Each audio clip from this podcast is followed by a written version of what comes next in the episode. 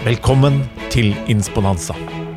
Hver uke vil vi få besøk av Norges beste foredragsholdere. Det alle gjestene våre har til felles, er at de er her for å inspirere deg, og at du kan booke de på athenas.no. Jeg er Sigurd Granmark, og jeg er programleder og konferansier for konferansen Insponanza. Mer informasjon og billetter finner du på athenas.no. Velkommen til Insponanza. Hvis du er født før 1980, så er dagens gjest en legende. Hvis du er født mellom 80 og 95, så er dagens gjest en tidligere kjempegod skøyteløper. Hvis du er født etter 1995, så er dagens gjest han som satte rekord på 'Mesternes mester', og eh, som akkurat har ryket ut av 'Mesternes mester'. Men han er lege, han er gründer, og vi har hatt en liten prat. Det er første gang jeg treffer dagens gjest, men førsteinntrykket er fantastisk. Johan Olav Kost, velkommen til Insponanza. Jo, takk for det, Sigurd. Det er hyggelig å være her. Gleder meg. Ja, jeg også. Og eh, nå, 'Mesternes mester' er over. Ja, det var mange som har eh, opplevd og sett det, faktisk. Det er fantastisk respons. Jeg følger liksom det nye Det er bedre å stå 40, grad, 40 minutter i 90 grader enn å vinne OL-gull. Det har jeg skjønt. Så her anbefaler jeg alle å være med i 'Mesternes mester'. Ja, jeg så til og med at du hoppa jo opp etterpå. Var glad og Ja, var det, var, det, var, det var jo fryktelig moro å slå rekorden, da. Jeg Ja, trodde jo ikke det en sånn gammel mann kunne klare det. Så det var jo herlig. Ja, det kan, ja, jeg er jo enig. Når du er på vår alder, så tenker du at rekordenes tid er forbi. Ja, Men det den er det. Den gang ei. Men eh, det ble noen aktivering av muskulatur som hadde trent som eh, tenåring. Og før vi går inn i litt sånn disse litt rappe spørsmålene som jeg har i starten, hvordan var det å konkurrere igjen? Du, det var uh, uvanlig, for å si det sånn. Uh, over, som det heter, kvart århundre siden jeg har gjort det sist, sånn seriøst. Og de var i veldig god form, må jeg innrømme, de andre. Ja. I hvert fall de yngste. og det var jo eh, Det var jo plutselig sånn at eh, jøss, mm, sommerfuglene kom i magen igjen. Eh, Her skulle jeg jo ikke tape, egentlig, selv om jeg røyk nå. men og mm, følte liksom at man hadde lyst til å ta i og gjøre sitt beste. Og så var det fryktelig intensivt akkurat i det, og litt sånn uvanlig, jeg må innrømme det. Eh, deilig når det var over, men nå angrer jeg for at jeg gikk ut. Ja, jeg, Ikke sant? Du angrer på at du ikke Ja, ikke sant? At Selv om jeg hadde ikke noen lot- sjanse, da. At du lot Aksel gå videre. Ja, det hadde jeg ikke sjans. Jeg hadde ikke mulighet. jo-. Man snakker jo om muskelminne. Eh, At eh, liksom, når man eh, gjør ting, så husker musklene. Er det også sånn, Følte du det var sånn på konkurranse også? At noe du huska, klarte å kjenne Blei du så drevet at eh, du, du kjente litt på hvordan det var før, eller? Altså Akkurat den 90-graderen, eh, der hadde jeg trent litt før eh, vi dro til Arendal, og det var jo for å etablere det muskelminnet, og det merka jeg faktisk første gang jeg prøvde var i mai, og da sto jeg to minutter og klarte ikke lenger. Og da tenkte jeg i all verden, her har jeg jo stått i en time, dette skal jo ikke være så hardt. Og så tenkte jeg her må jeg jo bare trene, og så begynte jeg litt sånn intervall-wallsit, eller 90 grader, da. Wallsit kalte vi det, men eh, 90 grader. Så jeg drev sånn to ganger, eh, fire ganger to minutter, og så gikk jeg til tre ganger fire minutter, og så til slutt så sto jeg i sånn 10-12 minutter i strekk, da. Rett før jeg dro til Arendal. Og da tenkte jeg nå er jeg i hvert fall innafor topp tre. Ja. Eh, men jeg hadde ikke forventa å klare så lenge.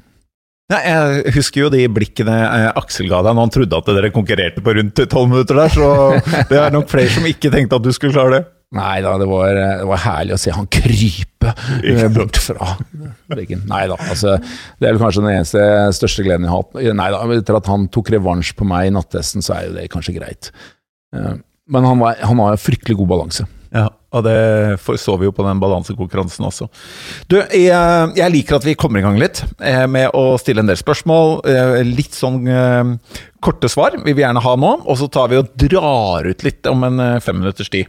Mm. Hvor er du vokst opp hen? På Lørenskog, vil jeg si, utenfor sentralsykehuset i Akershus. Der var det Mine foreldre var leger, eh, jeg bodde der, gikk på Hammer skole, seinere på Kjenn skole i Lørenskog. Men jeg flytta jo over grensa på skøyter, og det var på Strømmen stadion. Ja, på Strømmen. Og holdt deg i nærområdet. Hva er hobbyen din nå? Har du noen hobbyer?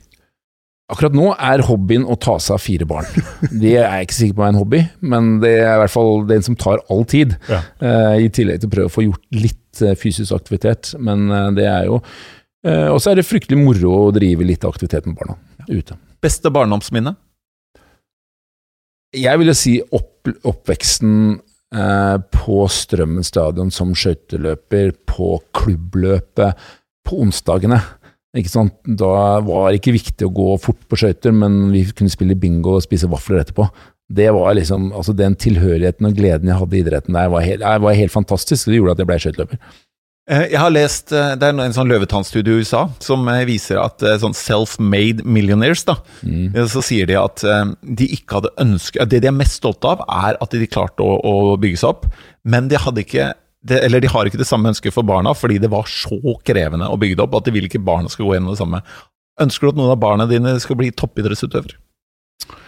Det har eh, Altså, for de må velge selv er det helt sånn for min Jeg valgte selv og ønske å gjøre det. Jeg har i hvert fall ikke noe mot at de vil, hvis de vil det, så vil jeg legge til rette for at de kan klare det. Eh, det er kanskje enda viktigere for oss, altså Jennifer, kona mi og meg, at de er godt utdanna og skolerte eh, til å, å, møte samfunnet slik som det er, at de får en god utdannelsesbakgrunn i tillegg. Da. Eh, at de ikke på en måte sluntrer unna skolen hvis de ønsker en toppidrettskarriere. Og du som er gründer eh, og starter flere, en rekke selskaper, vi skal komme tilbake til det. Og så har du jo bodd mange år i utlandet, hvor vi har eh, alt fra Elon Musk til andre som sier at den type utdannelse som vi har nå, er ikke det med næringslivet eller verden vil trenge i fremtiden. Hva tenker du om det? Nei, Det er jo ikke noe tvil om at 30 eh, av de selskapene vi ser er nå, ikke kommer til å være der om 20 år. Så, sånn sett så har han jo helt rett, ikke sant. Og det er vanskelig å tilrettelegge utdannelsen direkte mot det, og det å skape en bedre entreprenør og utvikling. Altså hvordan ferdigheter er det vi skal ha hos barn og ungdom. Eh, nå syns jeg nok at eh, norsk utdannelse har en veldig stor variasjon og mulighet. Det som blir viktigst, er jo at alle har muligheten til å bli gode på det de kan bli gode på. At de får utviklingsmulighetene der. Eh, og så er det helt umulig å lære alt. Så her må en på en måte etter hvert eh, velge eh, og finne de områdene en blir sterk. Så jeg, jeg, er litt usikker på om uh, Musk er Han er vel kanskje litt kontroversiell, for å si det sånn. Og samtidig så tror jeg det er godt å høre på å gjøre muligheter for barn for mestring. Fordi når de føler mestring innenfor et område, så vil de fortsette med det. Altså, og da kan de utvikle enorme egenskaper. Selv om de kanskje ikke er så skoleflinke, for å si det mm. sånn. Uh, og så tror jeg jo ekstremt mye på lek og idrett som et basis for uh, utvikling av det vi kaller life skills, da, altså livsferdigheter. Uh, for å ta uh, f.eks. innovasjon, kreativitet. altså Alt det vi handler om kunst og led, det trenger vi i næringslivet og i samfunnet for øvrig for å kunne finne nye løsninger. Så dette er en basis for det.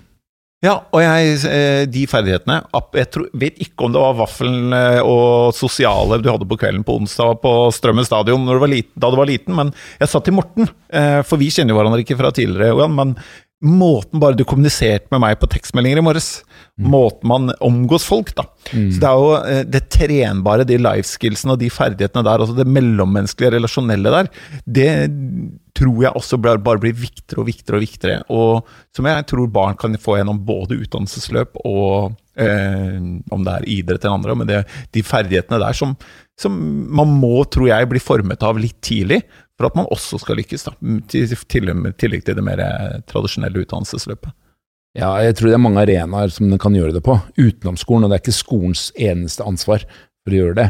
Og idretten er jo en fantastisk arena til å kunne lære det, som du sier. altså Både det å evne til å konkurrere, eller altså kommunisere, konkurrere, men også det å lære å tape. Mm. Rett og slett å stå i altså det, Livet er ikke enkelt. Være entreprenør er hardt. Det var jo det du nevnte tidlig her. at det å gjennomføre ting er ikke enkelt. Av og til så skal en i dybden og jobbe hardt lenge med ting for å lykkes. Og det er jo altså Jeg tror vi må komme litt vekk ifra å tro at alt skal skje så enkelt.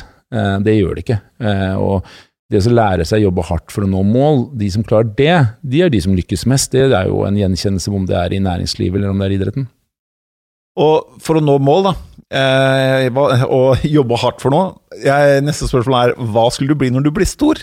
Du var, da du var uh, en liten pode på, på Lørenskog og løp rundt Ahus sykehus og venta på foreldrene dine? Hva ja, ikke sant? Vi, vi, lekte gjemsel på Ahus. det gjorde vi faktisk. Okay. Helt til vi ble kasta ut. Um, nei, eh, jeg uh, hadde en opplevelse som elleveåring. Da så jeg Erik Hayden gå VM på Bislett stadion på skøyter, og han var jo helten, selvsagt, som vant helt klart. Og da drømte jeg om å bli eh, skøyteløper, verdensmester på skøyter. Og jeg hadde jo opplevd mine foreldre som leger, og ønska å bli lege, og så ønska jeg å hjelpe barn i, i, den tredje verden. Det var mest også for min eh, bestemor alltid på en måte var der for å gjøre ting for andre. Altså Hun sa jo ofte det, den gylne leveregelen du skal gjøre mot andre, det du andre vil at skal gjøre mot deg. Og vi har det så bra at vi må hjelpe andre. Så på en måte, jeg var veldig tett med henne når jeg vokste opp. Og hun ga jo meg troen på at jeg var lov å drømme. Det er jo ofte at vi ikke får lov til å drømme engang. Og da har du i hvert fall ikke mulighet til å sette ambisjoner eller visjoner for hva en skal klare i livet. Og den, den muligheten ga jo meg både til å bli god på skøytebanen og fullføre medisinstudiet. Og ikke minst det å etablere Right to Play etterpå. Altså Det er på en måte litt rart at jeg sa det da jeg var 11. Ja, altså det, det der syns jeg er så fantastisk, da, hva en enkelt person og det med tro på andre har å si, da. Og jeg, jeg syns jo personlig at de portrettene på 'Mesternes mester' er lange nok. Eh, men du lagde jo en fantastisk historie fra bestemoren din så deg var det i åkeren, og, ja. og sa at du, liksom, du, kan lykkes med hva som helst. og liksom, Det du viser til nå, da. Og hvis du drar det til nå, da, og det du ser med mennesker nå at Jeg i hvert fall kan skrive under på at den lille gutten i Sigurd er jo der fortsatt. Mm. Og den lille jenta i andre, da, eller gutter og jenter, har, vi har den vi har, Tror du det stopper, det der at vi trenger noen som har tro på oss? Nei. Nei. Nei, altså Det er jo utallige episoder på det, og det er jo faktisk noe vi drev jobbet med som eh, lag mot OL. Eh, eh, hvordan vi kommuniserte med hverandre for å få best mulig resultat. Så viser det jo seg at det, eh, det er jo ikke det at treneren finner fem feil som gjør at vi blir best. Det er jo faktisk det Hans Trygve gjorde når jeg gikk 5000-meteren. Han fant det jeg gjorde rett, som gjorde at jeg fikk troa igjen midt under et løp. Altså det, er, det er snakk om tideler som kan forandre, og han har et hundredels sekund å kunne skrike en instruksjon til meg idet jeg passerer han på langsida. Og da husker jeg etter 1000 meter på 5000 så skriker han at jeg går godt på ytterskjær. Um, og det har jo jeg ikke tenkt på, for når jeg kommer ut der, så har jeg gått seks tiendedeler saktere på rundetid enn det jeg burde gjort. Det tenker jeg på. Og så sier han at det er godt på ytterskjær. Og så og så tenker jeg jøss, det kan jeg jo gjøre enda bedre. Og så skriker Finn Hott, som også sto der som var lagleder.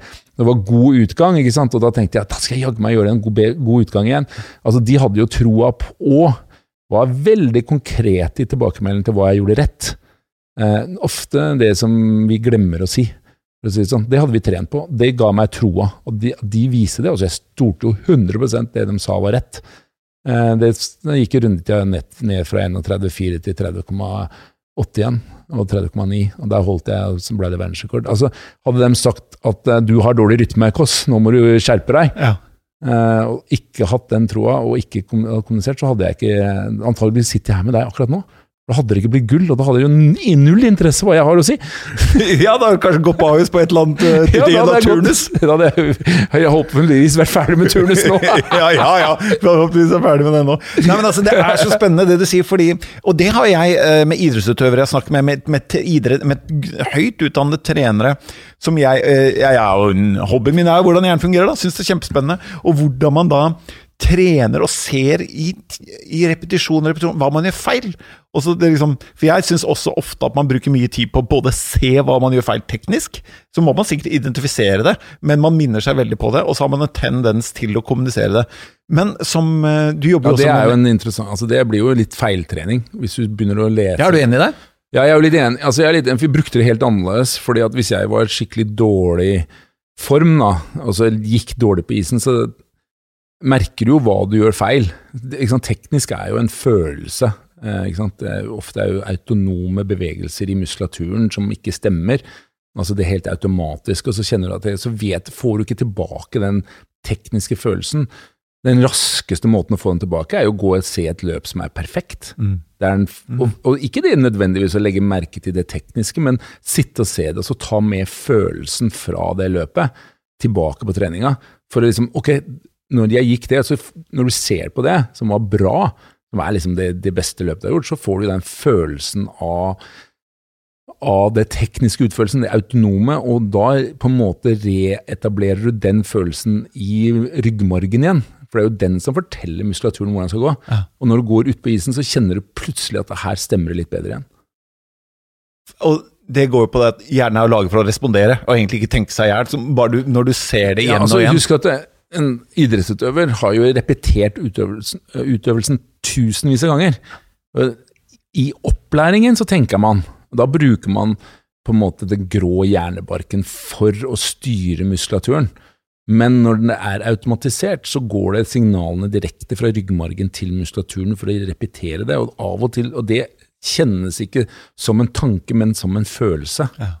Og når den følelsen blir feil, så kjenner han ikke det. Da må han prøve å få tilbake følelsen, for da er det lettere for det autonome, altså det som går mye, mye raskere enn tanken, Ja.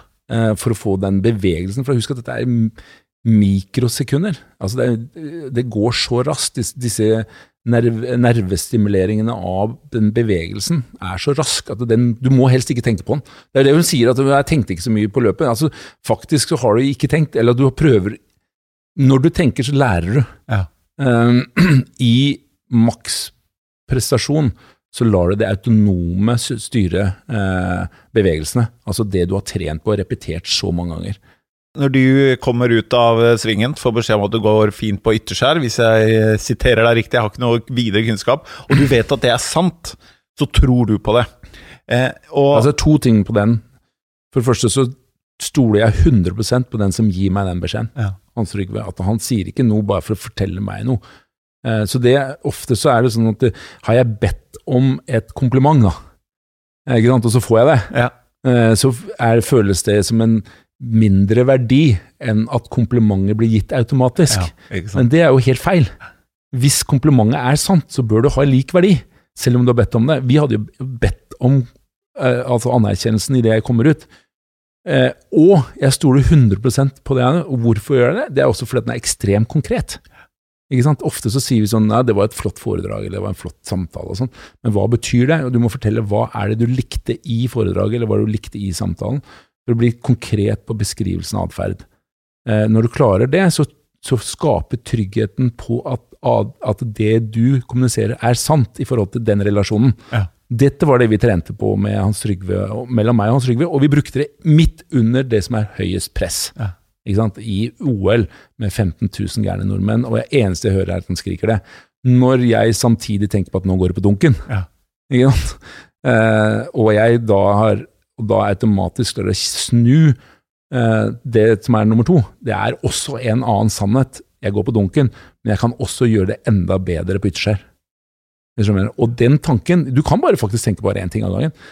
Selv om du kan skifte mellom det. Helt riktig.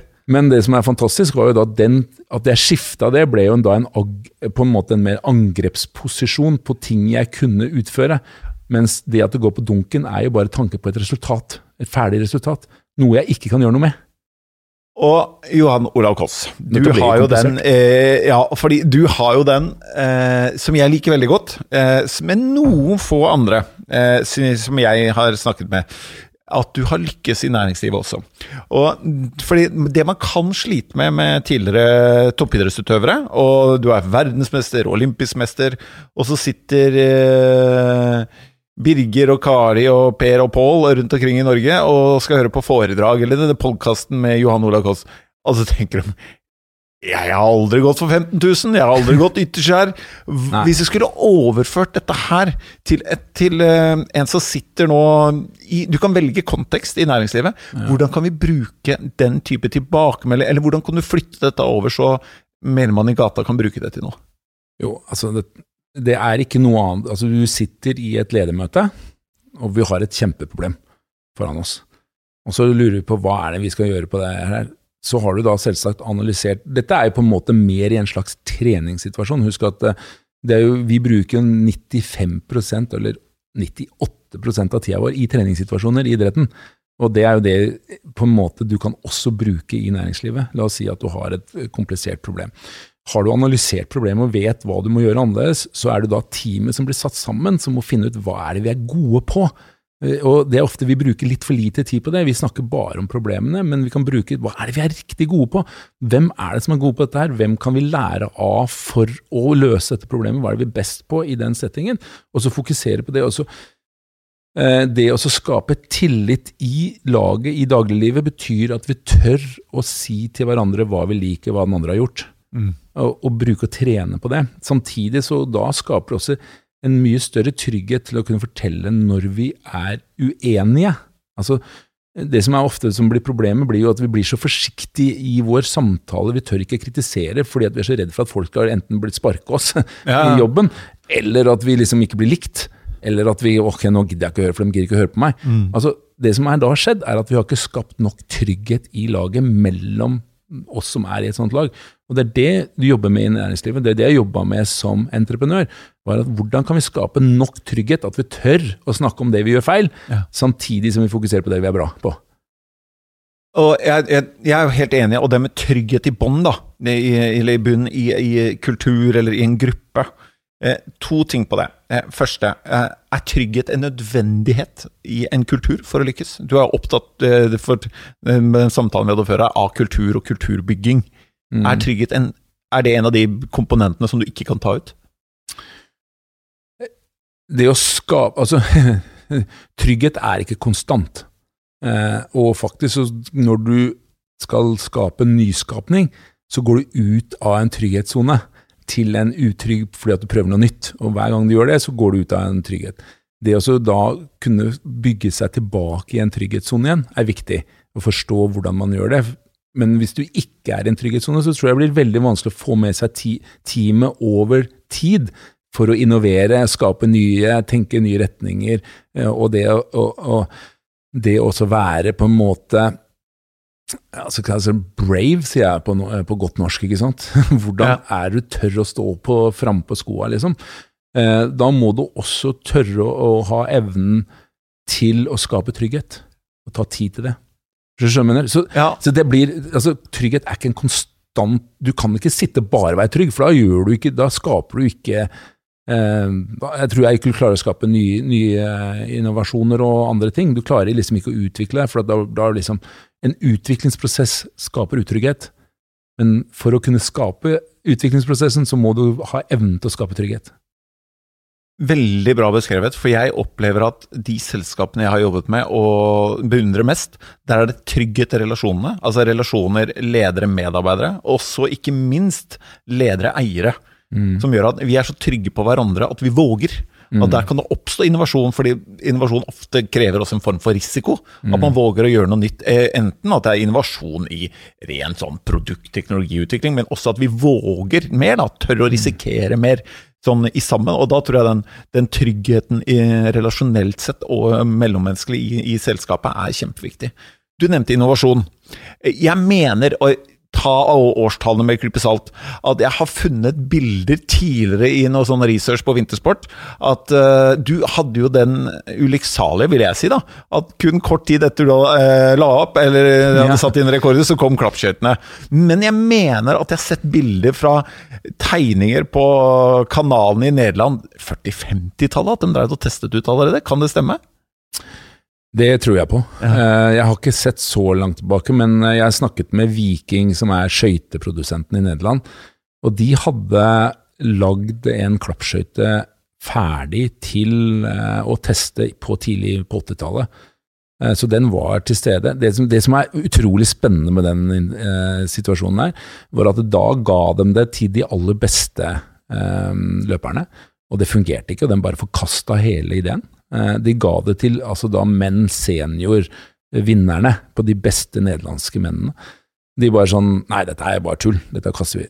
Når de skulle gjenintrodusere det, så ga de det til junior nederlandske jenter. Ah. Som prøvde på nytt. Nå var jo selvsagt også teknologien bedre, altså fjærsystemet med For at den klapper jo tilbake altså gjennom en fjær. var mye bedre enn den var klart på 80-tallet. Løsningen var mye bedre.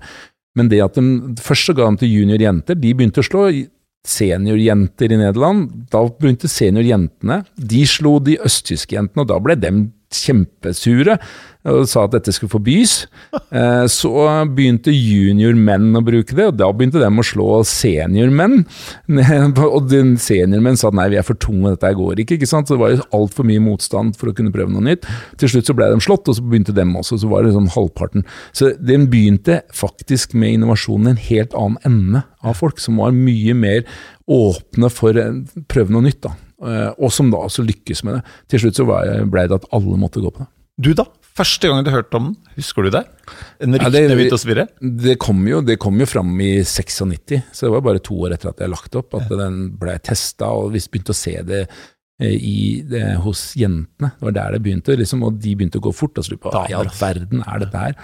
Og det gikk jo um, Altså, det gikk jo nesten to år før det var Altså, alle gikk med det i OL i Nagono i 98. Eh, da hadde liksom alle gått over, og det var noen, selvsagt, av de eldste som har ikke klart overgangen. Eh, eh, for, og, det, og, sånn er det jo i idretten. Men dette var jo en utrolig utvikling på idretten vår, som skapte enda raskere tider.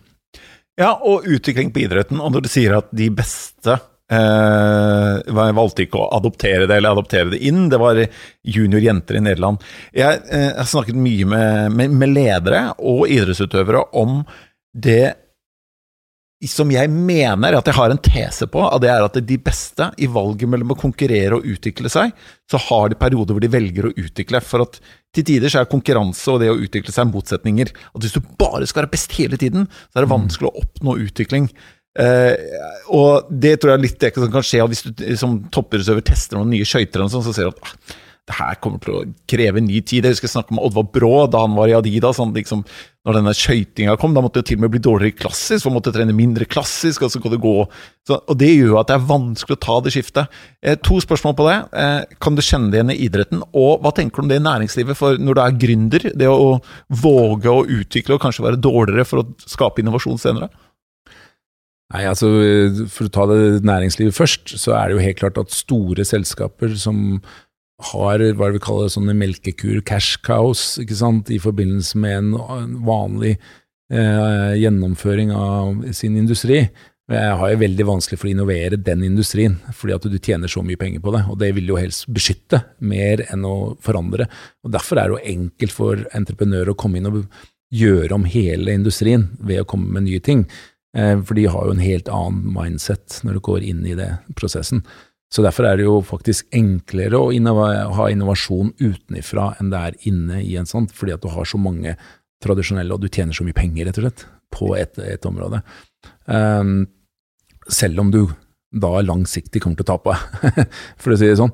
Uh, det andre er jo innafor idretten, så tror jeg det er litt av det uh, Altså, noen idretter har ekstremt mange konkurranser. Og der tenker jeg ofte hvor, hvor, ofte får de muligheten til å trene, liksom? Altså, hva er det, hvor får dem muligheten til å drive egenutvikling og sånn? Eh, for eksempel hvis du ser på fotballen, altså når de kommer inn som 15-16-17-åring i et profesjonelt fotballag, så tror jeg du får for lite muligheten til å utvikle deg som, trening. Som trening. Jeg tror det er for tidlig, rett og slett, som et mm. fotballtalent. Eh, det er som at du hadde gått, fordi at Hvis du spiller et profesjonelt fotballag eller en sånt profesjonelt miljø, så er det konkurranser ti måneder i året som betyr noe. Og jeg tror at det er fortsatt god tid til å utvikle seg som, eh, som fotballspiller før du kommer inn, selv om det høres jo helt fantastisk ut hvis du blir tatt ut på et lag når du er 16. Ja, og eh, ja, jeg syns Pass på så ikke det blir bare en sånn eh, sportsepisode, for jeg syns det er kjempespennende. Og synes i den situasjonen med den pandemien vi har, når vi ser når det, det, det tragiske utfallet hadde for Therese Johaug, da, eh, så hva man mener hva man mener om den utestengelsen hun hadde. Og når du så hva de to årene gjorde med utøveren Johaug, hvordan hun kom tilbake igjen, så kan man jo hende at flere nå også, som istedenfor å gå litt sånn halvdårlig arrangerte konkurranser med masse risiko, kanskje også burde tatt dem eh, det året her til å trene og bygge seg opp. Og jeg ser eh, på utøvere også som, som tar den reisa. Da. Ofte så ser du at de blir gode lenge. Og når du tar det til næringslivet, så syns jeg absolutt det du sier med at entreprenører kommer inn. Fordi ofte når folk gjør konkurrentanalyser i selskaper, så ser de på konkurrentene sine. Men, og da prøver jeg å anstrenge meg og prøve å få dem til å bli med på at sannsynligvis er de største konkurrentene de dere ikke ser. Fordi dere driver og konkurrerer her inne, mens de kan stå utenfor og se inn og si 'hvorfor gjør dere sånn'? Mm. Og for gründere, da, det syns jeg er litt morsomt med at du har den bakgrunnen, for det er ikke så mange som, i hvert fall ikke gjester her.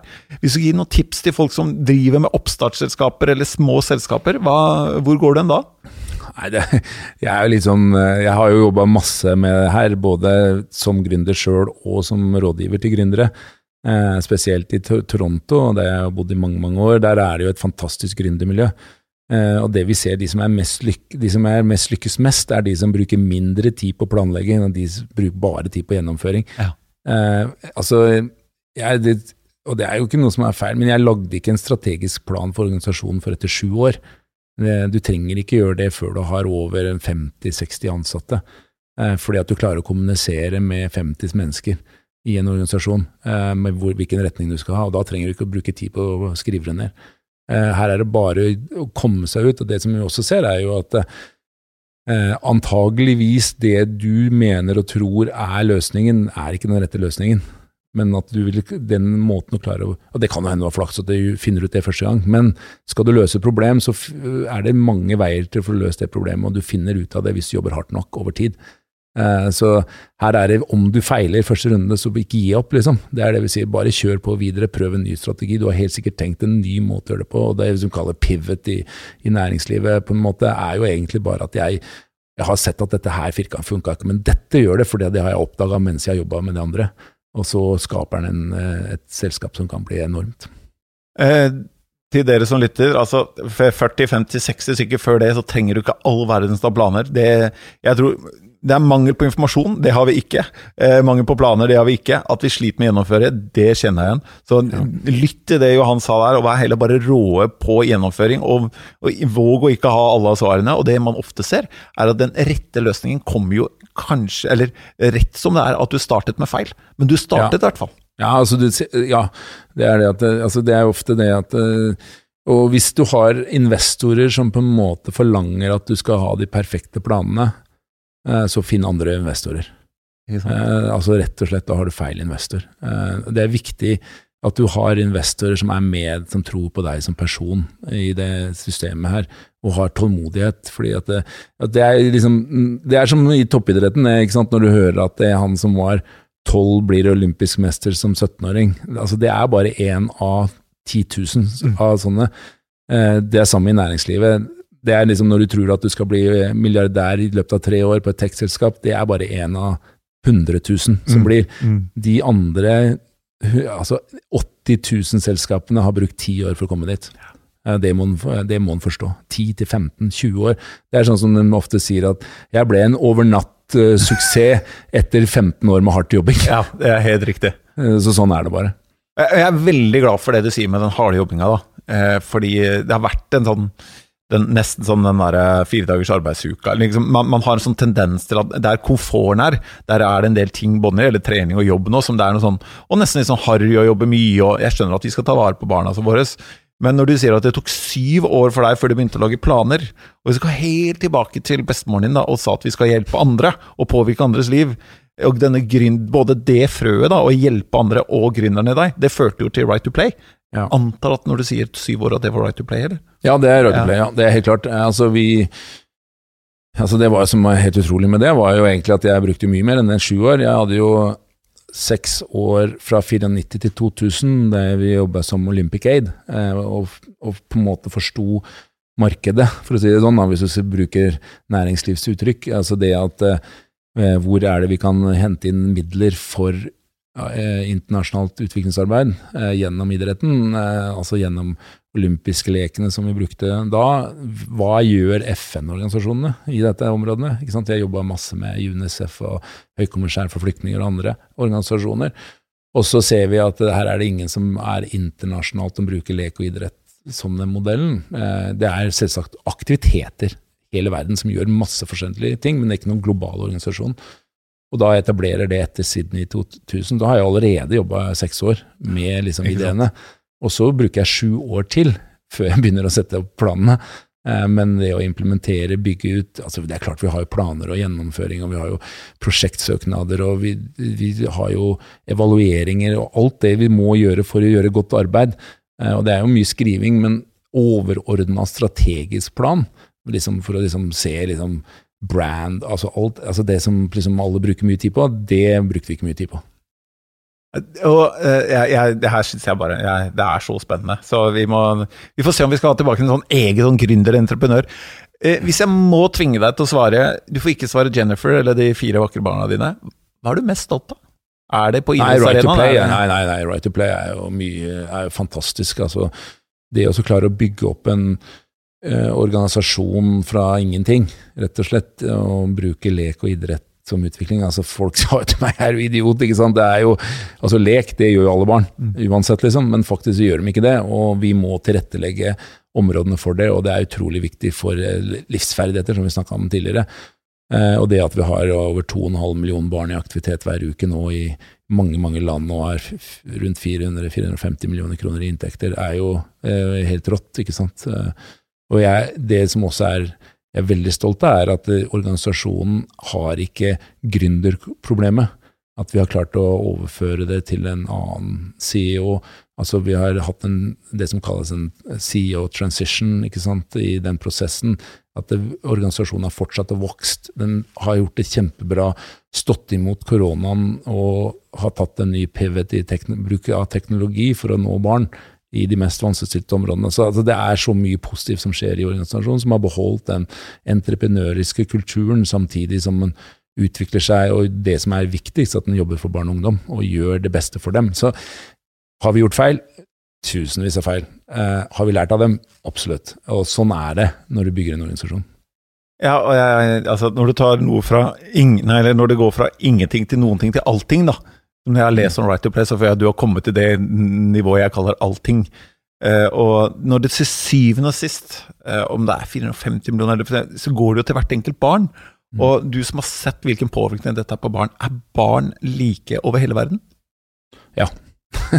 Utrolig nok. Du trenger ikke sekventere altså, der. Jeg, tror ikke det, det jeg trenger ikke noe tvil om. Altså, det er nesten altså, klart, Hvert barn er spesielt og har egne ting men alle barn er like på ett nivå.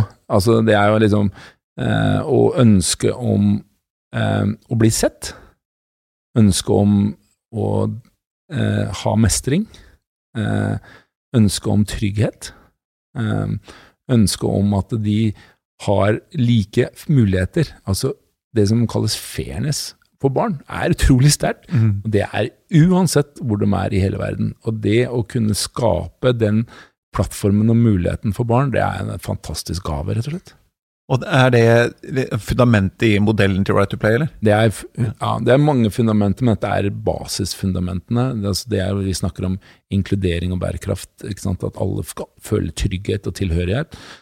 Det andre som vi også gjør, er faktisk det lært som hva er det viktig i en trener, altså en coach. Vi har lagt prinsippet coach inn Aha, som i utviklingsarbeidet. Altså, bar, altså voksenpåvirkning av barn eh, er utrolig viktig, og vi bruker det også mot lærere i utdanningssituasjoner. Og nå jobber jo vi direkte med det som altså utdanningsministerier, altså Ministry of Education, rundt i mange land, der vi på en måte bruker leken og aktiviteten som en pedagogisk tilnærming for bedre læring, der lærerne ofte ikke er så godt utdanna som vi har i Norge. Ja. Altså, det, er ofte, det er blitt kastet ut mange mennesker i eh, skolesystemet som ikke har god nok pedagogisk opplæring. Og der bruker vi faktisk lekaktiviteten som den eh, opptreningen av lærere på jobben for at de kan få en mye bedre pedagogisk tilnærming til barn. Og det har vi sett som en kjempesuksess i utviklingsland, eh, i de områdene der det er 50-60 elever i klassen. ikke sant? Dersom det halvparten dropper ut før 7. klasse. Mm. Der har vi fått uh, veldig god suksess. Uh, ja, det må være, også Jeg er så imponert over den evnen til både å vite når man skal trekke seg ut, mm. og det å klare seg å trekke seg ut. Uh, og at dette her nå også har blitt en, en, en, global organisasjon hvor du faktisk kan trekke til siden og bare se at nå fungerer det, og vite at det ikke er avhengig av at du kan stå oppreist hver eneste dag og ta dette her inn i fremtiden. For det, det er jo det som både gründer, om det er eh, den type organisasjon Right to Play er, eller i det mer kommersielle, å vite når ta et steg tilbake. da.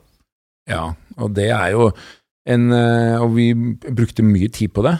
Eh, hvor viktig det var å gjøre det ordentlig. Eh, vi fikk jo til og med Stanford Review for Social Innovation til å skrive om hvordan vi har gjort det. Brukte en amerikansk konsulentfirma til å analysere hvordan vi gjorde det. Jo, det er jo det største magasinet for non-profit som beskriver hvordan Det er som det er liksom det som kaller sånn founder-problem, ikke sant. Når du kommer inn og du blir der som gamle far i huset, du bestemmer uten å bestemme. altså Alle de problematikkene hadde vi jo foresett oss før vi ansatte en ny CEO. Eh, vi hadde jobba gjennom mange forskjellige problemstillinger. Altså til og med konfliktløsningsmetodikk for eh, konflikten som helt klart kommer til å oppstå mellom CEO og meg sjøl. Ja. Eh, ofte så sier jo liksom spesielt altså den tradisjonelle business-skolen at du skal kaste founderen ut. Men det viser seg der du ivaretar founderen i en overgangsperiode i noen, noen, år, så har du bedre overføringer, og det er mye større bærekraft. Du har mer vekst og større økning i organisasjoner sånn som Right to Play. Eh, og det var vi jo innforstått med, og bygde planer på det før vi ansatte CEO-en. Eh, og hadde jo lagd eh, Og dette var jo det, altså, det betyr jo ikke at det ikke var vanskelig, også for meg, å trekke meg bort. Når CEO-en bestemte noe jeg var uenig i, eh, når andre av de som vanligvis rapporterte til meg, kom til meg og klagde. Altså gjennomføre alt dette som vi på en måte hadde forventet kom. Det hadde vi allerede beskrevet for hvordan jeg skulle oppføre meg. Eh, og det tror jeg hjalp fryktelig på en eh, vellykket overførsel. Ok, men når du da ser på eh, denne nye CEO-en, og hvis du da tenker leder generelt I mitt eh, lederprogram og når jeg jobber med ledere, så har jeg sånne personas eh, som forskjellige ledertrekk, da, ledertyper. Eh, hvis du skulle sagt litt sånn allværsjakke på en leder, da. Hva, hva, hva, kjennetegner en god leder, mener du? Du har rett til å mene, du trenger ikke vise forskning. Hvis du skulle sagt dette bør en god leder ha, hva er liksom kryddermiksen? Wow. Altså, det er jo et veldig vanskelig spørsmål, jeg vil innrømme, fordi at eh, det, det er jo veldig forskjellig eh, fra forskjellig type organisasjon eh, det, eller bedrift, eller Eh, om det er fra myndighetenes side, hvis du ser på forskjellige typer ledere. Eh, det, er, altså det som jeg kjennetegner en god leder, eh, som jeg føler er viktig, det er jo evnen til å lytte. Mm. Um, altså det å spørre og høre seg rundt, liksom. Det er ofte så går det litt ting går veldig raskt. Mot, som øverste leder så blir det mange ting som kommer til. Man må ta raske avslutninger, bestemmelser. Uh, jeg føler jo at det er utrolig viktig at lederen kan ta bestemmelser. Altså De må, kan ikke være av sånn der eh, beslutningsvegring. Er, det er den største frustrasjonen som finnes. Men du må også ha evnen til å høre og kunne forandre din beslutning mm. eh, over tid, når du finner ut at dette var feil. For ellers så kjører du kanskje hele organisasjonen i grøfta. Eh, så de to evnene som på en måte er litt motsettende, eh, er viktig. Det, eh, og det å kunne skape trygghet i et lag, og da også faktisk delegere ansvar. Ved å være tydelig på hva, hvilke rammer det ansvaret er som leder, det blir utrolig viktig. For da slipper en mye av det mikromanagement mm. innafor det. Og det jeg ofte opplever, er at det, det, hjelper ikke å snakke om store ord og flotte ting. Eh, her må man beskrive atferd. Rett og slett som Hans Trygve Kristiansen gjorde på skøytebanen. Altså, det var godt ytterskjær. Altså, vi må si hva er det vi liker med det folk gjør, i konkrete ting. Og vi må være veldig konkrete på hva vi ikke aksepterer som atferd. Det er eh, en fin eh, avrunding. Vi skal, vi skal, runde av. Jeg har ett spørsmål igjen, men eh, det er to. Er det noe jeg burde spurt om som jeg ikke har spurt om? Nei, altså det er jo masse ting du ikke har spurt meg. Altså det blir jo tydelig at vi må møtes igjen, Sigurd, på en ny podkast. Det har vært hyggelig, ass. Dybden av hvordan bygge kultur og vinnerlag, liksom. Hva er det som skal til for å jobbe mye med effekten vi har på hverandre? Jeg har jo en fantastisk erfaring der jeg jobba sammen med Ilen-søstrene og beskriver hvordan kommunikasjon skaper en effekt, og hva er det vi, hvordan vi opplever det. Eh, eh, hvilken effekt har jeg på deg, eh, og hvilken effekt har du på meg? Liksom? Og hvilken sannhet er det? Og masse spennende å snakke om i forbindelse med den kommunikasjonen mellom mennesker. Snakk om å Altså, den der kommer du til å bli Den skal jeg ta deg på. Du skal være med igjen, det skal jeg love deg. Og så siste spørsmål. Eh, hvis du kunne overvært hvilken som helst hendelse, enten religiøs, altså påstått hendelse, eller hendelse i verdenshistorien, hva ville du ha sett? Hvilken hendelse ville du overvært? Nei, det er jeg faktisk ikke sikker på. Altså, altså jeg har jo aldri tenkt på, egentlig, altså, i forbindelse med hva er det jeg ville overvært inn Altså um, Skal jeg si for noe? Altså, jeg har ofte lurt på en veldig Altså, dette er jo egentlig veldig politisk og veldig konkret, da. Jeg har lurt på hva som skjedde i Bush' hvite hus når de bestemte å invadere Irak i, i 2003. Ja. Eh, og der eh, Altså, når utenriksministeren går til FN og påstår at det er weapons of mass destruction, ja. men hva er det Cheney og Rumsfeld snakker om eh, inni på det rommet? Hva er det som egentlig skjer?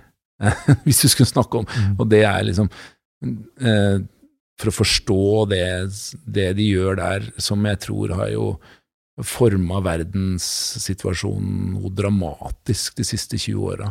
Eh, til å bli mye, mye verre, spesielt i forhold til terrorisme, i forhold til mangel forståelse av muslimer, for utvikla ekstremisme i, i, den delen av verden. Altså, hvis vi kunne vært til stede på en avgjørelse, så var det i den forbindelse med det som vi kanskje kunne påvirka i en annen retning. For de fant jo aldri noe? Nei, det var jo ikke noe, Nei. og det visste de. Altså, de la jo fram løgner, ikke sant, og til FN. Eh, nå beit jo ikke FN på det, men de invaderte Irak allikevel og tok Saddam Hussein. Og det kanskje Saddam Hussein var jo ikke en god mann, men det er klart at den, hele, det, hele den omstillinga som man hadde bestemt seg for å gjøre i Midtøsten, har ikke vært bra. Det her, og både FN og alt, så skal jeg ta Johan Olav Koss på ordet og invitere han i en eh, annen sammenheng. Jeg, eh, for meg, eh, Johan Olav Koss, så har dette vært et stort og deilig ytterskjær. Den svingen og utgangen og denne svingen her. Alt er godt. Nå får rundetidene ned! Ja, Nå går vi! Det er jo enkelt på skøyta, bare å gå rett fram og første til venstre. Vi lar det bli siste ord. Rett fram, eh, første til venstre, og så tar du et deilig ytterskjær, god utgang gjennom dagen din, og tar med deg Johan Ola Koss. Vil du høre han hos ditt selskap eller forening eller noe sånt, så går du på atenas.no, og så booker du Johan Ola Koss så kommer du til å få et nydelig ytterskjær og en utgang på eh, svingen som gir deg en fantastisk dag. Hver uke vil vi få besøk av Norges beste foredragsholdere. Det alle gjestene våre har til felles, er at de er her for å inspirere deg, og at du kan booke de på Athenas NO.